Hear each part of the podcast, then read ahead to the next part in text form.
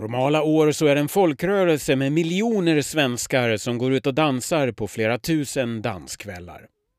Pandemin har satt stopp för det och rubriken Dansbandsdöden dammas av igen. Historiskt sett har dansband alltid klarat sig genom alla upp och nedgångar i samhället, alltså lågkonjunktur eller ekonomisk kris eller svikande publiksiffror i parkerna, så har dansbandsbranschen alltid klarat sig. Den har liksom gått under radarn också på ett positivt sätt. Hur går branschen vidare och hur har den antingen älskade eller hatade dansbandsgenren i medierna traditionellt bevakats genom åren?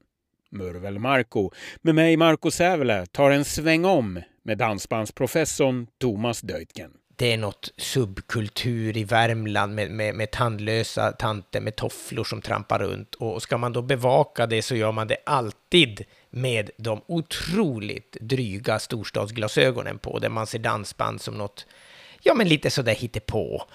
Eh, för här kommer vi och ska bevaka om det. Vi hittar inte på något utan pratar fritt om dansband kan vara läge att bjuda upp till en intressant storögd lyssning i slutet av maj då poddavsnittet kommer ut.